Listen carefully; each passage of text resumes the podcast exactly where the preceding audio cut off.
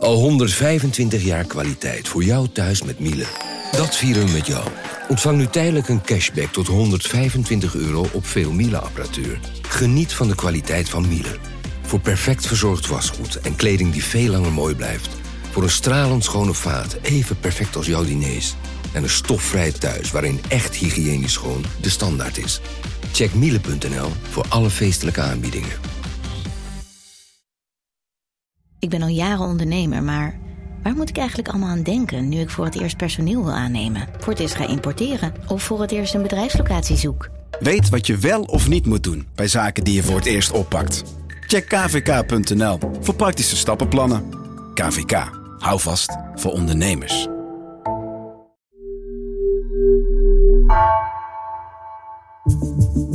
Vanaf de redactie van NRC het verhaal van vandaag. Mijn naam is Floor Boon.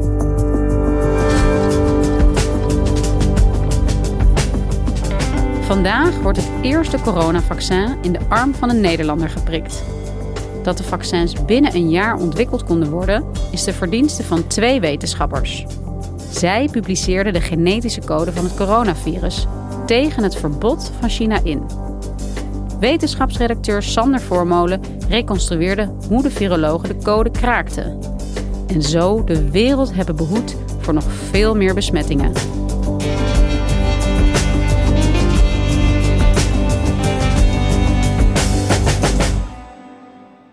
Het is 11 januari 2020, om twee uur s'nachts Nederlandse tijd. En het is dan eind van de ochtend in Sydney, want daar zit de Australische viroloog Eddie Holmes achter zijn computer. En op zijn scherm staat de genetische code van een uh, coronavirus. En dat is een, uh, een reeks met bijna 30.000 letters. De genetische code van het coronavirus, wat is dat?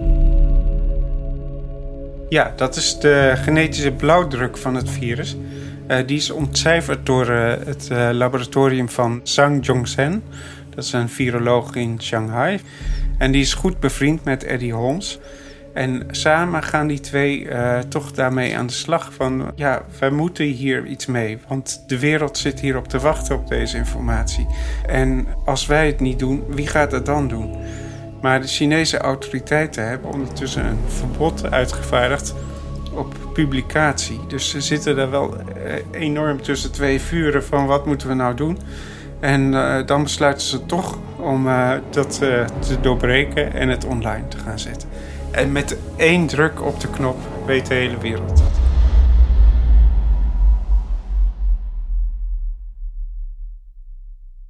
Hey Sander, waar begint jouw zoektocht en misschien wel de zoektocht naar de genetische code van het coronavirus? Ja, dat, dat begint eigenlijk in Wuhan. Daar is uh, ook de eerste uitbraak geweest van dit virus. In Wuhan begon het uh, in december zo langzamerhand zich uit te breiden en kwamen er steeds meer zieke patiënten in de ziekenhuizen te liggen met ernstige longklachten. En ze noemden dat toen een uh, longziekte met onbekende oorzaak. Want niemand wist nog wat het eigenlijk was. Vandaag kwamen er weer enkele nieuwe gevallen bij van het nog vrij onbekende virus. Het is een virus waar we nog niet veel van weten. Er zijn uh, mensen geïnfecteerd geraakt die hebben verkoudheid en longontstekingen. En er zijn inmiddels twee mensen overleden. Dus het kan levensbedreigend zijn. En zijn die mensen toen, want je wil natuurlijk weten wat mensen zo ziek maakt. Uh, is het eerste wat mensen dan, wat doktoren gaan doen, zo'n genetische code te proberen te achterhalen? Nee, eigenlijk is dat niet zo gebruikelijk. Zeker niet dat een dokter dat zelf doet. Want uh, wat de normale route is, is dat iedereen uh, meldt van uh, we hebben dus ernstig zieke patiënten. En, en dat moet je dan via een bepaald programma of formulier doen, waardoor het dus in een soort centrale database zou moeten komen. En dan zou je dus op hoger niveau kunnen zien van, oh, daar is een uitbraak. Maar dat is dus in dit geval niet zo goed gegaan. Hoe, hoe is dit dan aan het licht gekomen? Hoe, hoe komen we van de zieke mensen in het ziekenhuis in Wuhan in december 2019 naar de wetenschapper, de Australische wetenschapper waar jij het net over hebt? Het begint eigenlijk met een dokter in het Central Hospital in uh, Wuhan Die heeft een aantal uh, zieke mensen op zijn afdeling. En hij vertrouwt het niet. En hij denkt, ik ga toch dat laten onderzoeken. En hij heeft via via wat contacten met mensen die dat kunnen. Die dus gewoon genetisch onderzoek kunnen doen. En uh, hij stuurt een paar monsters op. Hoe krijgt Zhang dat monster uh, en, en waar, waar, ja, komt het vandaan? Op 26 december is er bij een 41-jarige vishandelaar van de markt in Wuhan is een, uh, een slijmmonster afgenomen uit zijn longen. Dan spoelen ze de longen en dan halen ze daar vloeistof uit. En dat, die vloeistof daarvan is een beetje bewaard gebleven. En die heeft die arts begin januari naar uh, Zhang gestuurd in Shanghai voor analyse. En dat werd ochtends vroeg door een medewerker uh, met de sneltrein naar Shanghai gebracht. En daar is het als een razende zijn ze aan de slag gegaan om, om dat zo snel mogelijk te analyseren. Hoe ging dat in zijn werk? Ja, je moet je realiseren, zo'n code is eigenlijk een soort uh, vingerafdruk van een virus. Dus je, als je die code in handen hebt, kun je precies zien wat voor soort virus het is en welke relatie het heeft tot andere bekende virussen. En zo zagen ze dus al heel snel dat dit een heel nieuw virus was, wat, wat eigenlijk nog nooit was gezien. Dit is een virus dat heel erg lijkt op SARS, 80% overeenkomstig, maar het is geen SARS. Dus het moet iets anders zijn. En hoe moeilijk is het om zo'n code te kraken? Nou, tegenwoordig eh, gaat dat best wel makkelijk. Zang heeft daar 40 uur over gedaan. Daar heb je gewoon grote apparaten voor nodig. Die dat heel makkelijk, het uh, RNA in dit geval, het genetische materiaal van het virus in stukjes knippen. En dan vervolgens zet je dat als een puzzel in elkaar. En dan heb je dus uh, de hele code van 30.000 letters.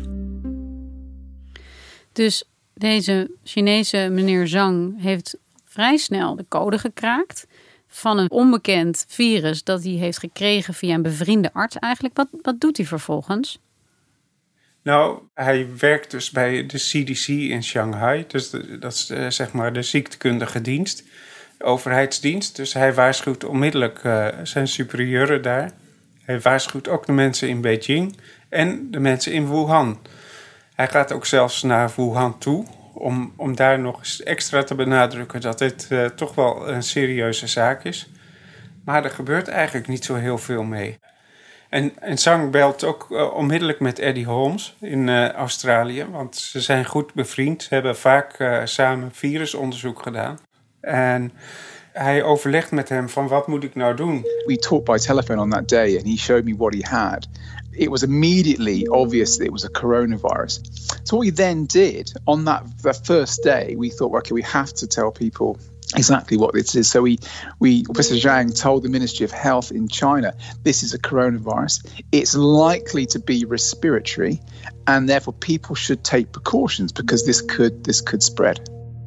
En, en dan, want je zou denken, ze hebben een virus ontcijferd, waar, waarover ze zich grote zorgen maken. Het lijkt me dat je dat gaat delen met de wereld. Ja, maar de Chinese overheid die heeft gezegd van nee, we moeten dit eerst tot de bodem uitzoeken. En niemand gaat hierover publiceren. So we had got the, the data and the authorities in China had said they didn't want anyone to publicize information about the outbreak.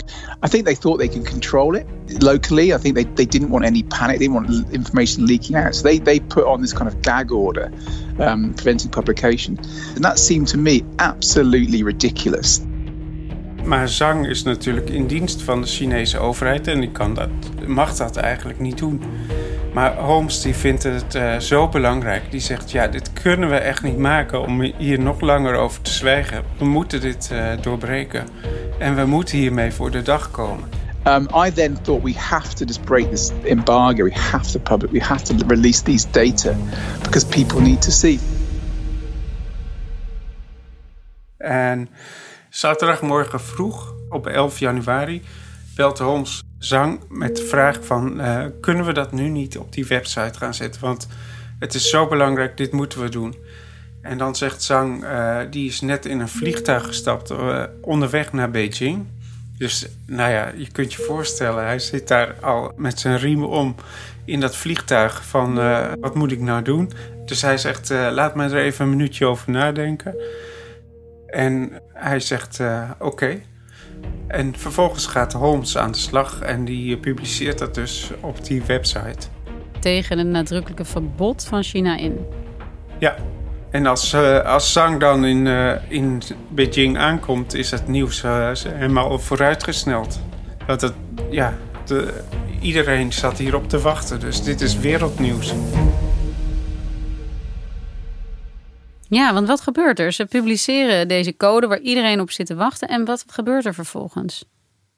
Nou, heel veel virologen stonden eigenlijk al in de startblokken, want die, die wisten wel, er is hier iets aan de hand en dat is potentieel ernstig. Dus als er informatie komt, moeten we met, daar meteen mee aan de slag.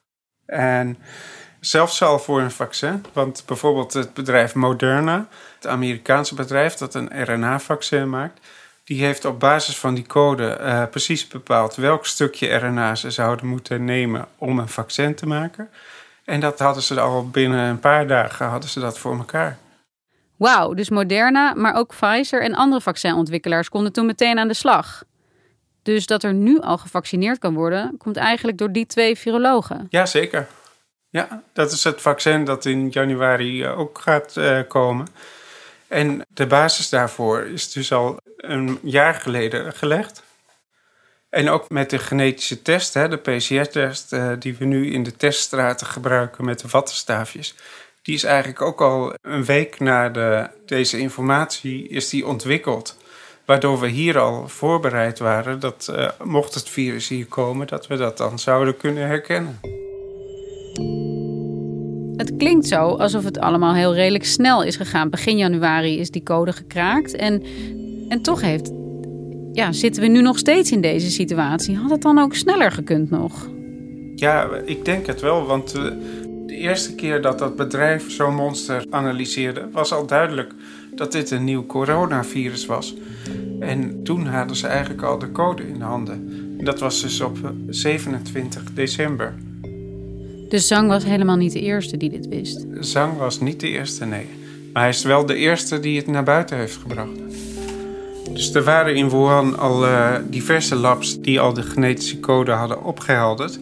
En die zaten allemaal te denken van wat moeten we met deze kennis.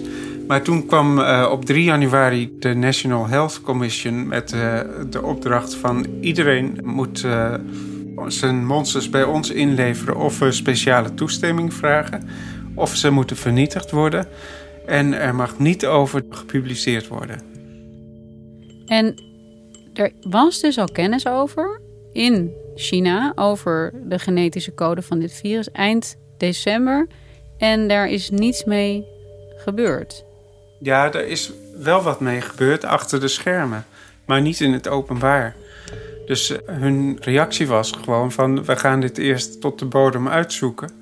En dan pas komen we met een uh, dik rapport waar alles in staat. Dus ze dachten, nou, als we dit snel goed analyseren, dan kunnen we dit ook uh, snel in de hand houden.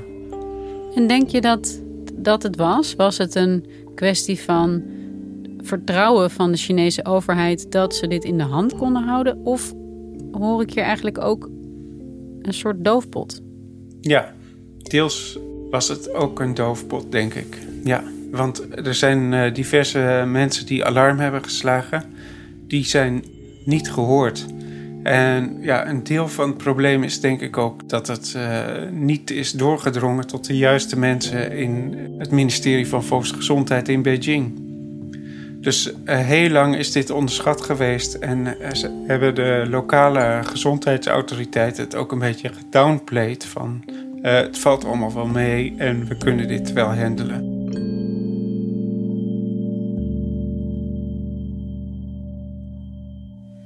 Toen dat eenmaal bekend was, zouden alle alarmbellen moeten afgaan. Zou je denken? Ja, dat zou je wel denken, maar, maar ja, dat gaat natuurlijk niet zo. Want er is niet een vrije pers die bijvoorbeeld alles uh, registreert en uh, heel snel in het nieuws brengt. Sterker nog, er waren ook uh, artsen die onderling via chats alarm sloegen. En die werden op het matje geroepen van dat ze valse geruchten aan het verspreiden waren. De, beroemd voorbeeld is de oogarts uit het Centraal Hospital. Dat is uh, Li Wenliang. De 34-jarige oogarts meldde op 30 december dat hij bij zeven mensen een onbekend virus had gevonden dat op SARS leek. Hij waarschuwde collega's beschermende kleding te dragen. De Chinese autoriteiten beschuldigden hem van het zaaien van paniek en dwongen hem zelfs een excuusbrief te schrijven. Hij moest publiekelijk zijn verontschuldigingen aanbieden. En het tragische is dat hij dan daarna nog zelfs uh, uh, ook zelf corona heeft gehad. En daaraan, daaraan is overleden. Onder de doden is ook de oogarts die als een van de eerste alarm sloeg over het virus. Zijn overlijden maakt veel los in China. Een waken in Hongkong voor dokter Li Wenliang. Maar ook in China zelf is het verdriet groot. 过世之后，心情比较沉重。我还是很难过的。哎，这么一个好人，就最后也没挺过这一关。